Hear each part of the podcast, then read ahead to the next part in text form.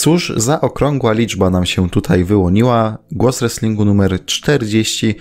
Ja jestem oczywiście Showoff, znany również jako Piotr Małecki, znany również jako osoba, która czasami się gdzieś tam w różnych miejscach pojawia, a ze mną jest jak zwykle gość specjalny, na specjalnych zasadach traktowany e, głosu wrestlingu, czyli e, Damian Puto slash Damon slash e, osoba, która widziała Wrestle Kingdom na żywo i klaskała e, w tej samej hali co Japończycy.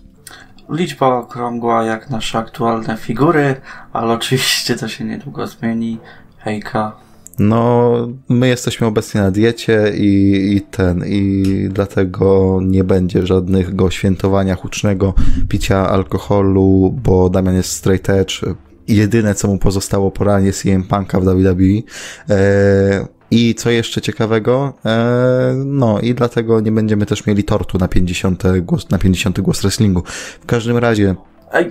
Wiem, że mamy dietę, ale no nie przesadzajmy. W każdym razie zebraliśmy się tutaj, żeby znowu porozmawiać o rzeczach, jak zwykle zresztą. E, no i tak jak troszeczkę zrobiliśmy już przy ostatnim epizodzie, odcinku, wydaniu Głosu Wrestlingu, tak i teraz chcemy poruszyć kilka tematów, kilka newsów, kilka takich przecieków, wiadomości z backstage'u i nie tylko na temat tego, co się po prostu dzieje w tym WWE i e, chciałbym powiedzieć nie tylko, ale dzisiaj tylko, bo też tak naprawdę wrestling poza WWE i AEW w zasadzie trochę umarł. Przejdźmy do rzeczy, ale najpierw pierwsza walka King of the Ring głosu wrestlingu, bo to jest zawsze rzecz ważniejsza. I Damian, przypominam e, zasady. Zasady są takie, że musimy wybrać, kto miał lepszy ring skill, mix skill, kayfabe, czyli mistrzostwa, main eventy i tak dalej. Postać, jakim była face'em, jakim healem, i highlighty kariery. Ten, kto zdobędzie więcej punktów, ta osoba, która zdobędzie więcej punktów, przechodzi do 1-8 finału, a w tej 1-8 są już Chris Jericho, Bret Hart i John Cena. No i teraz walka numer 4. Damian Undertaker kontra Eddie Guerrero. Eee, ring skill będzie naprawdę bardzo ciekawym tutaj, eee, bardzo ciekawą kategorią, więc zapytam się ciebie, kto ci bardziej leżał, jeżeli chodzi o ring skill? Ojej, to bardzo ciężkie pytanie, bo prezentują no dosyć um, dosyć odmienne style, aczkolwiek można odnieść wrażenie, że obaj potrafią zrobić cokolwiek w ringu, lecz jeśli mu, musiałbym wybrać jednego, to chyba mimo wszystko wybrałbym Undertakera z tego względu, że mimo swojego wzrostu potrafił robić niesamowite rzeczy w ringu i tutaj będę trochę subiektywny, ale po prostu w mojej takiej pamięci zapadło więcej klasyków w jego wykonaniu, które naprawdę mógłbym określić takim konkretnym majsterszczykiem, a zwłaszcza e, walki z Michaelem na WrestleMania. I oczywiście Eddie był niesamowity w ringu, aczkolwiek no, mimo wszystko stawiałbym Undertakera z tego względu, no, że mimo wszystko miał więcej tych takich świetnych walk no to ja muszę tutaj e, wyrównać szale i daję na Ediego, przez co nikt nie dostanie punktu, a już tłumaczę dlaczego daję na Ediego. Gdybyśmy wyciągnęli z kariery Undertakera kilka walk e, tych wrestlemaniowych tego okresu, powiedzmy 2008 do 2013, to tak naprawdę już ten mm, cały klasykowy, powiedzmy, okres nam wypada. I jasne, możemy tutaj mówić, no, ale Bad Blood z Michaelsem, w sensie Helena Selmecz pierwszy, e, walka z Mankindem i tak dalej, i tak dalej.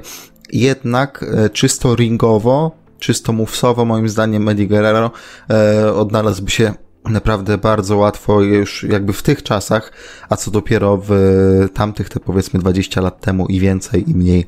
E, więc ja tu daję na Ediego, przez to nikt nie dostaje punktu i idziemy do kategorii Mix Skill. Damian, to też jest ciężka kategoria moim zdaniem, bo jeżeli myślimy o Takerze i Guerrero, to niekoniecznie Mix Skill jest pierwszą rzeczą, która nam się rzuca w oczy, że tak powiem. No tak, tutaj bardzo to bardzo ciężko jest tutaj w ogóle w jakiś sposób określić Undertakera, ponieważ no przez dużą część kariery no nie za wiele był za mikrofonem, zwłaszcza w swoich pierwszych latach. Potem zaczął dopiero coś mówić, gdy zmienił gimmick na American Badass. Wtedy mogliśmy zobaczyć, że coś tam potrafi powiedzieć za mikrofonem. Aczkolwiek po powrocie do Deadmana no nie mówił za wiele. Na kogo dajesz głos? Ojejciu, wiesz co, to cię, bardzo ciężkie pytanie. mimo wszystko Undertaker, ponieważ jeśli coś mówił, to można było poczuć taki impact tego, co mówił i to, co mówił, miało jakieś znaczenie. A Eddie, mm, no nie jestem za bardzo fanem takiego e, latynoskiego gimmicku i nigdy specjalnie do mnie nie trafiał. No to ja znowu będę musiał dać tą szalę wyrównać i dam na Ediego, bo po podrzucę sobie pod ten mix skill też taką swego rodzaju charyzmę, taką lekkość w porozumiewaniu się z fanami i po prostu e, bardzo łatwy connecting, tak, że tak to nazwę. Mm, I tutaj wyżej jest zdecydowanie Eddie pod, takim, pod taką otwartością. Jasne, że Takera ograniczała po prostu postać w wielu wy, wy, wypadkach, jednakże e, gdzieś tam wyżej e, ocenię tutaj Ediego, ale głównie dlatego, że właśnie Taker po pierwsze mało mówił, jasnie ja się zgadzam z tobą, że jak już mówił to z sensem i miało to swój impact, ale e, no nie mogę tutaj przyjść obojętnie wobec tego, że po prostu Eddie e, miał to coś, e, ten e, ten it factor, że tak to nazwę i, i tutaj mamy znowu remis jest 0-0. Kayfabe, mistrzostwa main eventy i chyba tutaj w końcu komuś trzeba dać punkty, nie Damian? No wydaje mi się, że tutaj raczej nie ma co dyskutować. Punkt dla Marka tak, nie, same WrestleMania Streak już jakby, bo też się zalicza tej kategorii, tak? E, powiedzmy, że, że bije na głowę e, Ediego w WWE, bo przypominam, że WWF i tylko liczymy, e, bez tam innych FedEx typu WCW, e, czy ECW, czy ROH i tak dalej, i tak dalej. W każdym razie e, Taker, Taker, 1-0 dla Takera, no to teraz postać i chyba też tutaj bardzo łatwy punkt dla jednego z nich. No tak, kolejny punkt dla Undertakera. Tutaj chyba za bardzo nie ma co się rozwodzić. No nie, no do dzisiaj tajemnicą wielką jest jak taki gimmick, jak i Undertaker przetrwał tyle lat i to jeszcze w takim ikonicznym, powiedzmy, e, nagle statusie jest, bo jak sobie spojrzysz na to, to był taki samo dziwny i no taki, taki bardzo właśnie 80sowy, nie? W, w tym rozumieniu WWF, gdzie mieliśmy różne dziwne gimmiki, no i właśnie Undertaker był w sumie jednym z nich, no bo tak naprawdę na początku swojej kariery wyglądał jak zombie, który po prostu tam krzesił się z martwych, że tak to nazwę, tak? E, więc 2-0 i highlighty kariery, lepsze feudy, momenty.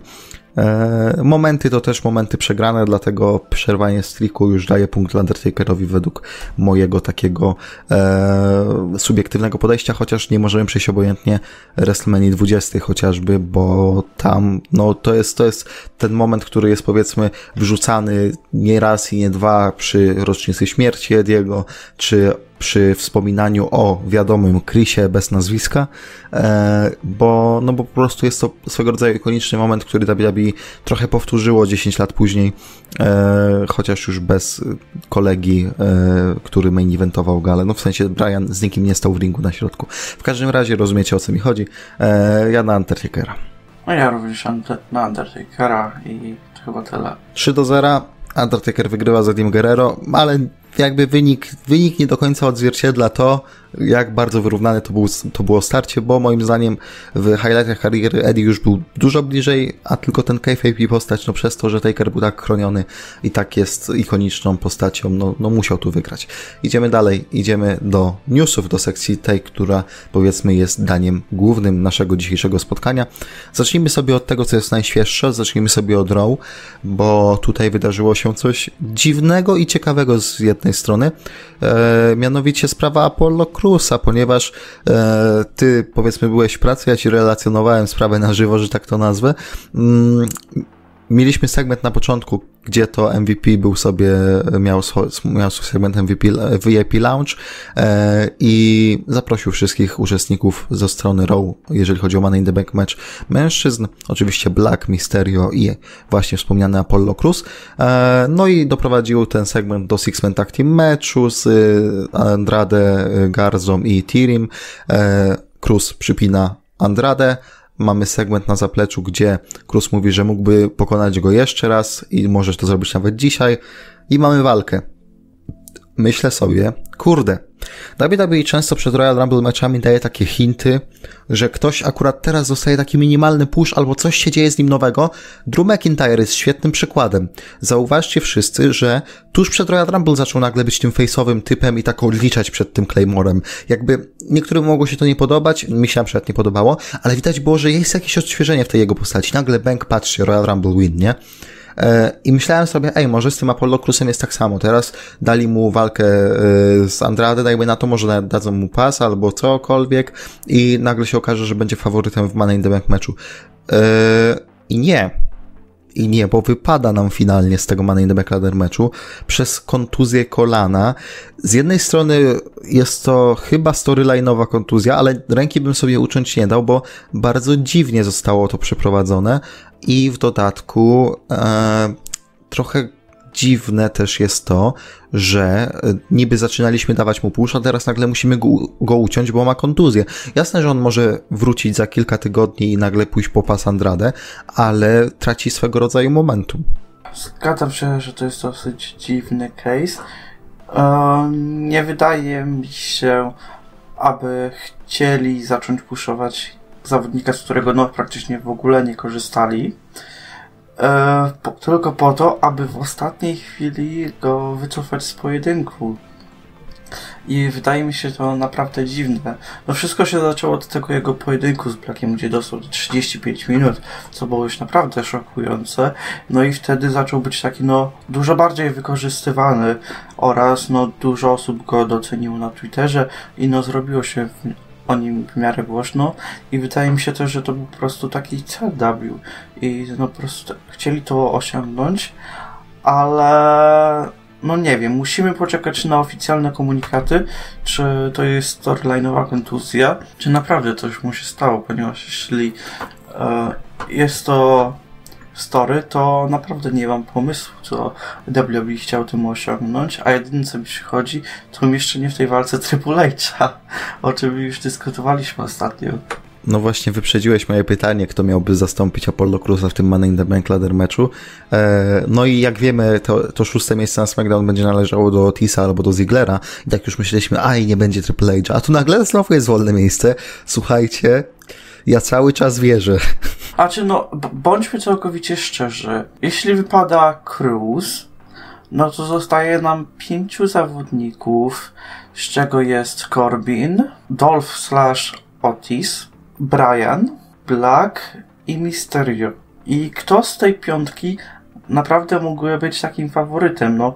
Zakładamy, zakładamy, że Ziggler czy Otis wchodzi do Money in the No, mimo wszystko Dolph, tak, ale możliwe, że Dolph dadzą 50-50, nie? Otis już wygrał na WMC.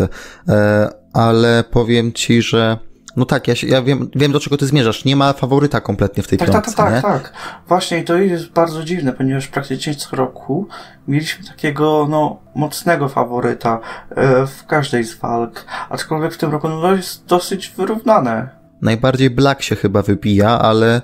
Przed ogłoszeniem walki Otisa z Zigglerem ja byłem praktycznie pewien, że takim głównym faworytem będzie osoba właśnie z tej ostatniej walki kwalifikacyjnej. I no i sądziłem, że to będzie Sheamus, no, który jest mocno puszowany od kiedy wrócił. E, no więc, więc ciężko tutaj wskazać, szczerze mówiąc. No ale dobra, jeżeli nie Triple H, to kto? Załóżmy, że Triple H nie. Jakimś cudem. Jakimś cudem. Wydaje mi się, że mogą umieścić kogoś e, z trójki Andrade, Fury, Garza, no bo w końcu tego Cruz dostał kontuzję w walce z Andrade, no i cały czas praktycznie ta trójka, która jest Money in the Bank matchu ze strony Raw, e, rywalizuje z tą stajnią. Wydaje mi się, że to byłoby dosyć logiczne, gdyby ktoś z tej trójki zajął miejsce.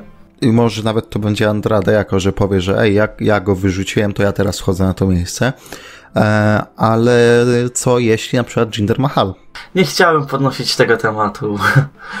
A słuchaj, ja, ja nawet słyszałem taką e, teorię, że fajnie by było zobaczyć, e, żeby drugim przeciwnikiem dla Drew był właśnie Jinder teraz. No jasne, odprawi go szybko. Mógłby być, aczkolwiek nie z walizką. No nie. Wydaje mi się, że walizka powinna być użyta na kogoś, komu naprawdę to by się tak dosyć mocno przydało i ktoś, no, kto po prostu, no, trochę na nią zasłużył i jest, no, trochę bardziej utalentowany i kogoś, kto fani chcieliby zobaczyć z walizką. Dobra, to teraz tak, żeby to skrócić i szybko podsumować. Nasze oficjalne stanowisko, za Krusa wchodzi Triple H, ale jak nie Triple H, to Andrade, zgadzamy się? Tak, chyba tak. A kto wygrywa? Jeżeli zakładamy, że do Money in the Bank wchodzi jeszcze Andrade i załóżmy Ziggler, to kto wygrywa? Wiesz co, największe obawy mam wobec tego Corbina i Reya. Wydaje mi się, że też nie zdziwiłbym się, jeśli Ray by to wygrał. Mogą mu to dorzucić jako do tych jeszcze tych osiągnięć, z tych rzeczy, których jeszcze nie wygrał, coś w stylu Triple H'a. No i jeśli ten Triple H naprawdę tam będzie, to, no to według mnie on będzie zdecydowanym faworytem. Okej, okay, to ja w takim razie yy, daję na Blacka. Tak to na razie, na razie na te półtora tygodnia powiedzmy przed pay-per-view takie są nasze e, spostrzeżenia, osądy, typy. Idziemy dalej. Idziemy do e, pewnego newsa, który obiegł e, nie tylko polskie, ale i e, powiedzmy światowe community, który wywołał spore oburzenie, bo przecież jak to tak ten stary człowiek może tak sądzić, on się w ogóle nie zna na wrestlingu. Niestety jednak e, ludzie lubią nagłówki, a na przykład nie lubią szerszego kontekstu wypowiedzi. I przejdźmy teraz do tego, że Vince jakby osądził, obarczył winą e, nowe nieco nieznane gwiazdy na Raw głównie, mm, że właśnie nie ma ratingów. No i teraz taki fan powie, ale jak to przecież Drew jest super, przecież Andrade super jest, przecież tam coś tam, coś tam, jak on w ogóle się nie zna i tak dalej, i tak dalej. E, a teraz trochę szerszego kontekstu. Mieliśmy e, telekonferencję po podsumowaniu pierwszego kwartału WWE e, finansowego i jak się można było spodziewać, ogólnie ten kwartał można jakby raczej zaliczyć do udanych, co w dobie dobie koronawirusa jest dość dużym zaskoczeniem chyba mimo wszystko. E, jednak my nie o tym. Raczej o tym, że e, Vince powiedział tam coś takiego, iż e, w tym momencie są niższe ratingi, ale to dlatego, że mamy dużo nowych twarzy na Raw e, i nie mamy Broka Lesnara, o tym za chwilę porozmawiamy.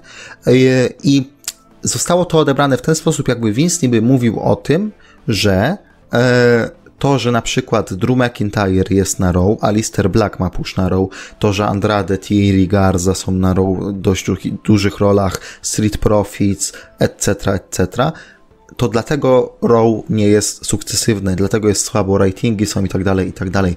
Damian, dlaczego e, obarczanie Vince'a winą, że on się na tym nie zna i w ogóle i co za głupoty gada, to totalny b***? Powiedz mi. E, wydaje mi się, że największym nieporozumieniem jest to, jak ludzie postrzegają słowa Vince'a. No i tutaj bym w dużej mierze oparczył te wszystkie e, kanały wrestlingowe oraz strony, e, które specjalnie używają słów Vince'a tak, aby brzmiały one jakoby Vince oskarżał ten młody talent o to, że ratingi Raw są dosyć słabe. A to przecież tak nie wyglądało. Jeśli ktoś na spokojnie by przeczytał całą konferencję, czy tam też jej posłuchał i naprawdę skupił się na tym, co mówił Vince, to zrozumiałby to, że Vince nie obarcza winą e, młode talenty o to, jak aktualnie wygląda oglądalność Raw, tylko próbuje wytłumaczyć, że następuje aktualnie pewna zmiana pokoleniowa, że potrzeba czasu, aby e, widzowie się przyzwyczaili do tych nowych twarzy, że starsi widzowie mogą jeszcze nie być przyzwyczajeni do oglądania tych e, nowych wrestlerów z NXT, czy tam sceny niezależnej i że to może trochę zająć czasu, nim właśnie ci fani się przyzwyczają do tego wszystkiego i ponownie powrócą do czerwonej tygodniówki oraz jakiej niebieskiej, ponieważ no ratingi SmackDownu również nie są jakieś niesamowite. Aczkolwiek Vince w tym przypadku w żadnym stopniu nie obarczał winą tych zawodników i wydaje mi się, że wręcz przeciwnie, próbował pokazać, że WWE przechodzi tę zmianę, że oni stawiają na te nowe talenty i że po prostu trzeba być cierpliwym, aby e, ta zmiana pokoleniowa przy, przyniosła jakieś jakiekolwiek efekty. Teraz jest ten moment, kiedy e, stanowisko głosu wrestlingu jest absolutnie e, takie samo jak Vince McMahona, w sensie zgadzamy się z Vince'em McMahonem, e, co się chyba rzadko zdarza, chociaż też e, dość rzadko podejmujemy to, co na przykład Vince mówi. Ale tak, Vince ma tutaj rację, to co mówisz jak najbardziej się zgadza. Nie wiemy tak naprawdę, jaka będzie rola Romana Reignsa, jeżeli wróci, prawda? Jednak wydaje mi się, że takie wyciąganie wniosków swego rodzaju i bukowanie nieco w tym momencie Drew McIntyre'a, który moim zdaniem sprawdza się świetnie w tej roli i twoim pewnie też.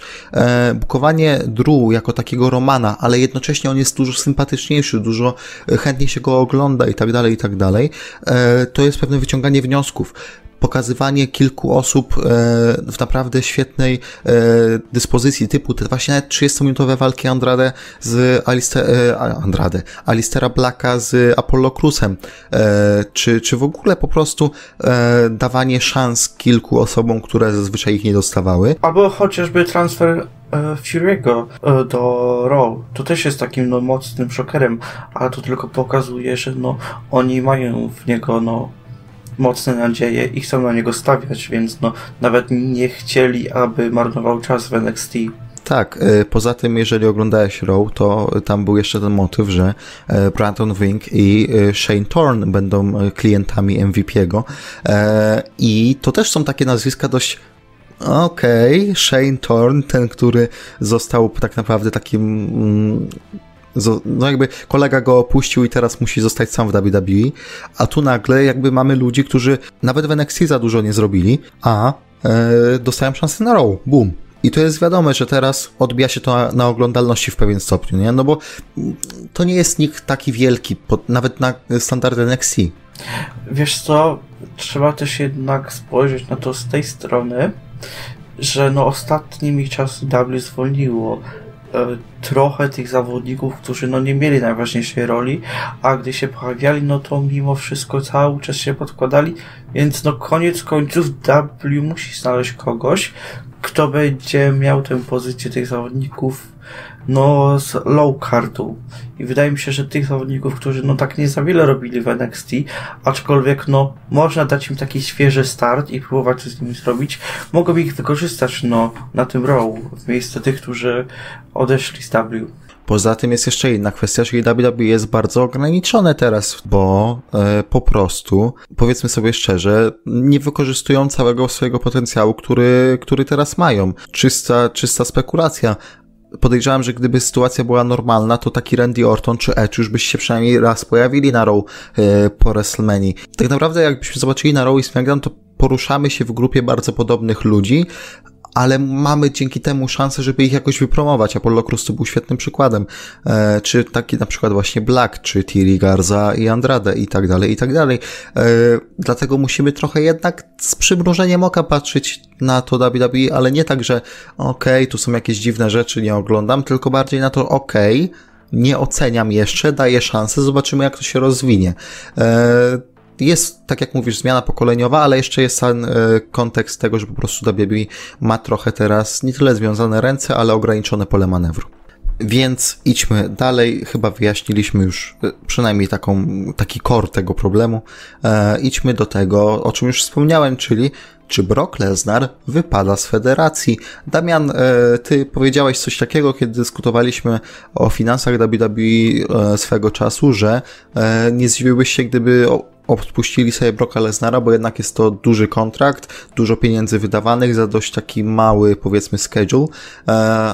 I chyba masz rację, w sensie chyba ten kontrakt został jakoś za porozumieniem stron rozwiązany bądź zawieszony, bo możliwe, że Vince mm, powiedział tak dość niefortunnie na tej samej konferencji, ale co jeśli faktycznie Brock Lesnar i WWE w tym momencie na stan dzisiejszy nie mają ze sobą nic wspólnego? No właśnie to jest dosyć ciekawa kwestia, ponieważ Vince równie dobrze mógł się odnosić do tego, że po prostu Brock Lesnar wypada w tej kwestii, że on nie chce występować e, no, w aktualnych czasach w trakcie tej całej epidemii i nie chce narażać swojej rodziny i po prostu postanowił udać się prosto do domu. I no tutaj sytuacja jest, na, jest naprawdę niejasna, ponieważ Brock może być dalej pod kontraktem, co według mnie jest dosyć prawdopodobne i po prostu powiedział, że nie będzie występował, ale w ten sam sposób no W może oszczędzać pieniądze, ponieważ no z tego, no, z tego co już mówiłem, Brock prawdopodobnie ma kontrakt skonstruowany tak, że dostaje wypłatę za każdym razem, e, gdy pojawia się na tygodniówce. Oczywiście, gdy się nie pojawia, no to nie dostaje pieniędzy. A jeżeli kontrakt Broka upłynął i on już w żadnym stopniu nie jest związany z W, no to mamy bardzo ciekawą sytuację, ponieważ mimo wszystko przez ostatnie 5 lat e, Brock był mistrzem przez no przynajmniej jakieś 60% okresu. Jestem ciekaw, jak W to rozwiąże, ponieważ nie wydaje mi się też, aby Brock jeszcze miał dosyć występowania w ringu. I no, jestem ciekaw, czy przypadkiem AEW nie będzie chciał wykorzystać tej sytuacji. Nie wydaje mi się, by, by AEW było stać na Brocka Lesnara, szczerze mówiąc. Wiesz co, wydaje mi się, że mogliby zaryzykować z tego względu, jakiego on boosta dałby AEW no ale wiesz, chcieli Ortona swego czasu, chcieli Edge'a, ale nie mają tyle pieniędzy, ile może zaoferować WWE. A mówiliśmy o tych kontraktach, powiedzmy, załóżmy w piramidzie WWE 8-10, tak? Orton Edge, powiedzmy. No może Edge trochę wyżej teraz przy tym nowym, ale Lesnar to jest prawdopodobnie 1-2. Więc jeżeli nie mieli pieniędzy na Edge'a, i WWE wyraźnie przebiło ofertę Edge, Edge'owi, to, co w przypadku Leznara. Moim zdaniem to jest niemożliwe. Ja bym spojrzał na to z innej strony. Czy to znaczy, że cała era Lesnara mogła się właśnie skończyć, tak jak mówiłeś. Odkąd on wrócił w zasadzie, a może liczyłbym od WrestleMania 30, tak, od pokonania Striku, bo te pierwsze dwa lata nie były jakieś udane, ale od WrestleMania 30 to jest osoba, która cały czas w zasadzie albo wygrywa, albo podkłada się na chwilę, ale wraca zaraz znowu na szczyt. I gdybyśmy pewnie policzyli dni Lesnara z pasem, to podejrzewam, że byłoby to coś koło 60% jego pobytu w WWE od WrestleMania 30, czyli już od 6 lat. Mam nadzieję, że nie, szczerze mówiąc, bo ta historia zasługuje na dużo większe domknięcie i mam nadzieję, że ten kontrakt zostanie gdzieś odnowiony, jeżeli jest zamrożony, to jakby znowu aktywowany, jeżeli panowie w najgorszym wypadku się rozeszli za porozumieniem stron i może jeszcze popracujemy w przyszłości, no to okej, okay. ale też z drugiej strony teraz nie ma tego, co gdzieś tam było na horyzoncie w ostatnich latach, czyli raczej UFC też Lesnara nie weźmie, bo jak już raz wzięło, to się nagle okazało, że Lesnar nie przeszedł testów antydopingowych, więc bez sensu go znowu brać. Podejrzewam, żeby tylko znowu walka była później nieważna. Mm, wiesz co, wydaje mi się, że jeśli kontrakt Broka miałby dobiec do końca w tym momencie, to już wcześniej byśmy o tym wiedzieli, no bo mimo wszystko za każdym razem, gdy były e, jakieś skrzyty na linii Brock W lub kontrakt Broka dochodził do końca, to mimo wszystko za każdym razem e, pismaki o tym e, no głosiły i za każdym razem wiedzieliśmy, że no, kontrakt Broka dobiega do końca i nie wiadomo, jak będzie wyglądała jego przyszłość. I wydaje mi się, że no, w tym przypadku również byśmy wiedzieli.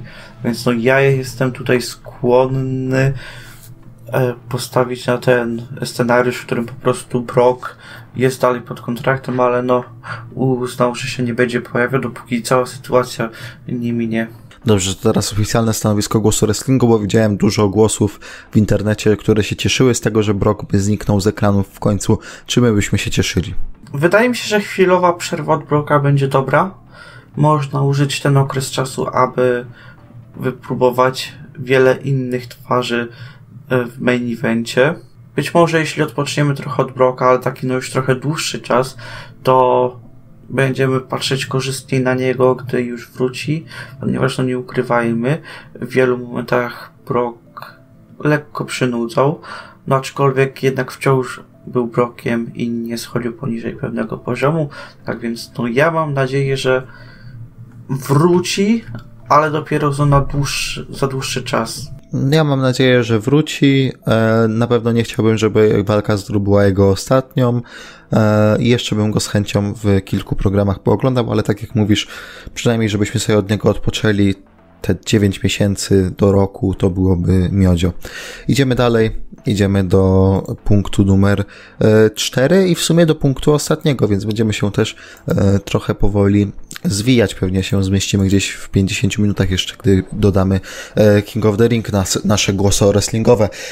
Sami Zayn nie powiem jak to napisałem, bo jest to trochę niekulturalne, ale Sami Zayn ponoć bardzo się panoszy na backstage'u i raczej nie jest lubiany nie tyle wśród producentów slash backstage'owych osób, co wśród wrestlerów. Jest to o tyle z jednej strony, jak to, jak to mówią, z jednej strony się nie spodziewałem, a z drugiej się spodziewałem, bo chyba Kevin Owens kiedyś mówił nie raz i nie dwa, że Sami Zayn to jest taki koleś, który potrafi przegadać wszystkich, on powie, że dobra, musimy zrobić to, to wtedy ta publika zareaguje tak, tak, tu, ten sposób, ten, tak jakby znał ten wrestling od podszewki. I to może być irytujące dla wielu osób.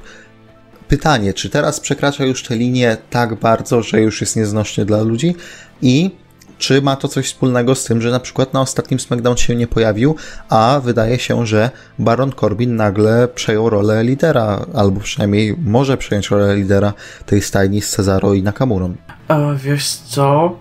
Y, przypomniała mi się historia. Chyba to była WrestleMania 32 z tym ladder matchem, w którym Mhm, e, tak, 32. Tak, tak, tak. E, w którym wystąpił no, Sami Zayn, Kevin Owens i kilka innych osób. I wtedy wydaje mi się, tak, to Cody opowiadał, również występował w tym pojedynku jako Stardust.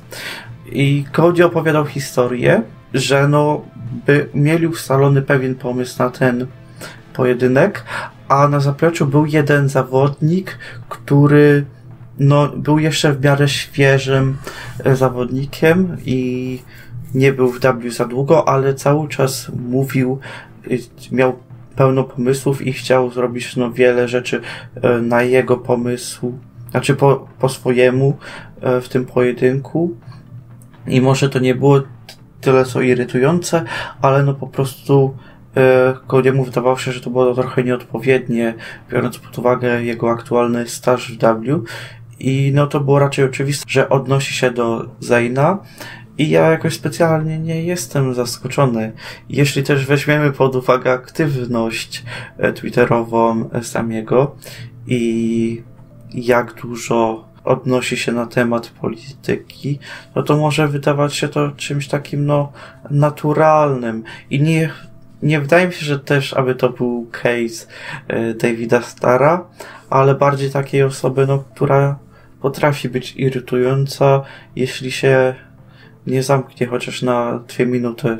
A jednocześnie, jakby, to prawda wszystko co mówisz, a jednocześnie jest mistrzem interkontynentalnym, więc czy ty na przykład przewidujesz, że, na, że ta pozycja Zayna, która w ostatnich miesiącach jednak jest niezła, jednak, jednak można powiedzieć, że, że naprawdę sobie radzi nieźle w tej karcie, a tak jak ja powtarzałem nie raz i nie dwa i nie pięć, e, Zayn odkąd przyszedł do WWE naprawdę wyciąga 100% z każdej postaci, z każdego programu, ze wszystkiego co dostaje i bardzo mi się to podoba. E, niemniej, czy wydaje ci się, że ten taki backlash na zapleczu może się negatywnie odbić na jego pozycji e, już na samej karcie, już jeżeli chodzi o sam push? A, znaczy, to też kwestia jest tego, jaką on ma opinię wśród samych oficjelów i tych. Zakładając, zakładając że ma dobrą, bo ponoć ma lepszą niż wśród zawodników. Jeśli ma dobrą, to wy, nie wydaje mi się, aby to jakoś negatywnie miało się od, y, odbić na jego postaci w W, chyba że już naprawdę zacznie irytować te najważniejsze postacie w szatni typu Daniel Bryan. Typu Randy Orton, bo dobrze wiemy, że Randy Orton ma moc zwalniania ludzi z federacji. Mr. Kennedy pozna, poz, pozdrawia. No tak, dokładnie. I no już tutaj mówimy o takich weteranach, którzy naprawdę już mają ważny głos wśród e, najważniejszych osób w W. Jeśli no irytowałby te osoby i naprawdę było dosyć więcej głosów irytacji względem Zayna, to wydaje mi się, że już moglibyśmy zobaczyć taki mały regres względem tego, co Zayn dostawał w ostatnich miesiącach, z tego względu, no, że nikt nie chce pracować z osobą, która jest irytująca i wpływa na nasze samopoczucie w trakcie pracy. Więc no, wydaje mi się, że może dostać reprymendę. Jeśli to nie pomoże, no to wtedy mogą się za, zacząć dziać nieciekawe rzeczy. A to byłoby naprawdę bardzo przykra rzecz, ponieważ no, Zayn jest niesamowitym zawodnikiem i no, fajnie, że dostaje w końcu jakiś tytuł i coś poważnego w telewizji. No właśnie, ja na tyle lubię samego Zayna, że aż mi szkoda takie rzeczy czytać i właśnie, bo jeszcze nie zrobiliśmy shoutoutu. Większość newsów jest e, z WrestleFans, więc jak poniosy to w razie czego w polskiej wersji tam, e, bo my jesteśmy kulturalni i zawsze robimy shoutout do stron, z których bierzemy na przykład newsy. Apollo Plus to oczywiście e, Row, więc nie musieliśmy z nich brać, a reszta w zasadzie to wszystko WrestleFans i Piotr Sabink-Gilewski, więc to e, szapoba dla niego, bo to jest niesamowity człowiek. Wracając do tematu, jest mi trochę smutno, bo wiem, że sam jest świetny, ja go bardzo lubię, tak jak mówię, wyciąga 100% ze wszystkiego, co dostaje, e, a jednocześnie, jeżeli faktycznie jest trochę dupkiem na zapleczu, to mam takie ambiwalentne. No z jednej strony pewnie jako człowiek jest mech, ale jako wrestler jest na tyle dobry, że mam nagle David Star treatment, nie wiem, co po nim sądzić. Więc e, trochę spinając ten temat, byłoby smutno, gdyby zachowanie Zayna dopuściło do tego, że e, straci nagle push, ale z drugiej strony, tak jak mówisz, nie chcesz być w tym takim środowisku trochę e, przeszkadzającym ci w spokojnej pracy, zwłaszcza jeżeli jeżeli wrócimy już do normalnego wrestlingu, tak, w halach i tak dalej, to pewnie będzie dopiero za kilka dobrych miesięcy, to jesteś w trasie te 300 dni mniej więcej, więc jak spędzasz z kolesiem 300 dni, jasne, możesz go unikać, ale to tak jak w szkole, no unikać go wiecznie nie będziesz, bo w końcu się gdzieś miniecie na korytarzu, e, to, to, no, to może być problematyczne. W każdym razie mm, ja trzymam kciuki, żeby Sami Zayn się ogarnął i żeby był dalej pięknym Samim Zaynem, bo na ekranach naszych telewizorów i komputerów jest naprawdę pięknym wrestlerem i człowiekiem, więc to jest ten case, gdzie wrestler świetny, ale człowiek może ciut gorszy. Więc możemy przejść do e, piątego pojedynku King of the Ring naszego głosu wrestlingu i to jest pojedynek niesamowity. Rey Mysterio kontra Hulk Hogan i no konkret, konkret, ring skill Damian. Ja mam swojego faworyta i wykonywał leg drop. Masz? Czy kierujesz się tymi mitycznymi fi e, filmikami z, z czasów, gdy Hulk Hogan występował w New Japan? No właśnie, tak jak mówiłem, zasady są takie, że patrzymy tylko WWF, WWE, bo jakby New Japan, to bym powiedział, patrzcie, on wygrał Climaxa, zanim jeszcze był Climaxem. no tutaj raczej bez zaskoczenia Ray. No ale też trochę kwestia czasów, no bo ciężko porównywać właśnie takie. Ale wiesz wiem... co? E, pamiętam, że czytałem wywiady z Hulkiem Hoganem i on chciał robić więcej rzeczy w ringu, chciał e, wykonywać więcej movesów i tworzyć fajne pojedynki, aczkolwiek stanowisko Vince'a i reszty było takie, że Hogan ma być promowany na superbohatera, który ma te kilka ciosów, no, które, których cały czas używa i że on nie jest od robienia dobrych walk, tylko od, od bycia tym super bohaterem, który no, walczy przeciwko złym gościom i koniec końców wygrywa mimo wszelkich niedogodności. Nie zdziwiłoby mnie to, że to jest prawda, ale z drugiej strony mam takie wrażenie, że Hulkowi to aż tak bardzo nie przeszkadzało. W sensie, że on no, tak, a okej. Okay. No, no, prawdopodobnie tak. No właśnie. E, co na przykład późniejsza jego kariera też pokazała. W każdym razie idziemy dalej. Mixkill. No kurde, Hogan. No tak, no to raczej też nie ma co się rozwodzić. No mimo wszystko można wiele rzeczy zarzucić Hoganowi, aczkolwiek potrafił mówić za mikrofonem, potrafił dostarczyć promo, a Rey, no promo Reya jakoś, no nigdy nie były jakieś takie, no specjalnie dobre. No nie były, no nie były, a jak nawet miał te najlepsze momenty w karierze kayfabe'owo, czyli, czyli pierwszy title, jakby droga do pierwszego title reignu z World Heavyweight Title. No ale to głównie no to się je... opierało na tym, że no, mówił, że to dla Diego. I to były te najlepsze momenty za mikrofonem. Właśnie miałem mówić, właśnie miałem mówić, że opierały się na tym, że, że Eddie zmarł. E, no to Hogan, 1-1, kayfabe. kayfabe musi też iść w jedną stronę. No, no niestety. Tutaj, tu, tutaj wystarczy porównać ilość main eventów WrestleMania i mamy samego zwycięzcę. Nawet, nawet te main eventy po main eventach. 2-1. Yy, Kayfabe już był, postać, jakim była Face'em, jakim była Healem. Hogan. Mimo wszystko Hogan. Nawet, nawet nie mimo wszystko. W sensie był dobrym Face'em, ale spójrz na to, no Hogan właśnie był tym super bohaterem, a potem przeszedł Heel Turn i też wcale Healem dużo gorszym nie był, szczerze mówiąc, nie? No tak, a postać Reya głównie opierała się na tym, że był no, tym underdogiem i tak, no jego wzrost wymagał tego, aby cały czas był underdogiem, no ale on został tak szybko przerzuty, że ciężko było być zainteresowany postacią Reya. 3-1 Hogan już na pewno wygrał jeszcze highlighty kariery i tutaj kolejny punkt dla Hogana, bo e, no bo tak. To było zaskakujące, zaskakująco dominujące zwycięstwo Hogana. Na początku jak tak spojrzałem na tę parę, nie sądziłem, że się kończy 4-1 Hogan, ale Misterio jakby jasne trzeba mu oddać kredyty za to, że jest największym luchadorem w historii tego amerykańskiego wrestlingu e, i, i osobą, która przecierała szlaki dla wielu, ale na pewno nie jest osobą, która jest tym full package'em, nie? Tak więc Hogan 4, Misterio 1, e, a kolejne pary już za tydzień w kolejnym odcinku Głosu Wrestlingu, e, który będzie już chyba nawet odcinkiem, tak myślę, zapowiadającym Money in the Bank. Tak mi się wydaje, że tak zrobimy, co? Jak, jak się coś ciekawego wydarzy, to jeszcze to dołączymy do tego podcastu albo zrobimy szybki przed. Ale, ale myślę, że na zapowiedzi Money in the Bank się usłyszymy, a tam kolejne dwa pojedynki i powiem wam, taki spoiler wam dam, w jednym z tych pojedynków będzie osoba, która wygrała Money in the Bank mecz. Widzicie? I teraz nie wiecie kto, ale wiecie, że ktoś. No. E, tak jak już się wypowiedziałem w komentarzu pod ostatnim podcastem, pełną drabinkę dopiero wam wrzucę w momencie, w którym skończy się ta pierwsza runda e, jednej szesnasty, kiedy już będzie jedna ósma, bo nie chce mi się po prostu robić takiej dużej drabinki, więc chcę sobie zrobić mniejszą. Taki, taka jest prawda, tak naprawdę bolesna.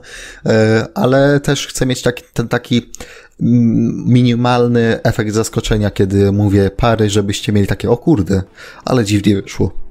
Tak więc słyszymy się mniej więcej za tydzień, przynajmniej z Damianem, bo jeżeli wszystko wyjdzie dobrze, to, to możliwe, że jeszcze przed Money in the Bank coś się pojawi na kanale, takiego niespodziewanego. W każdym razie, ja byłem Showoff, Damian, ty byłeś kim? Osobą, która za dwie godziny będzie w pracy. Dziękuję bardzo. Głos Wrestlingu czy numer 40 możemy uznać za zamknięty. My byliśmy wy, my, wy byliście wy i do usłyszenia wkrótce.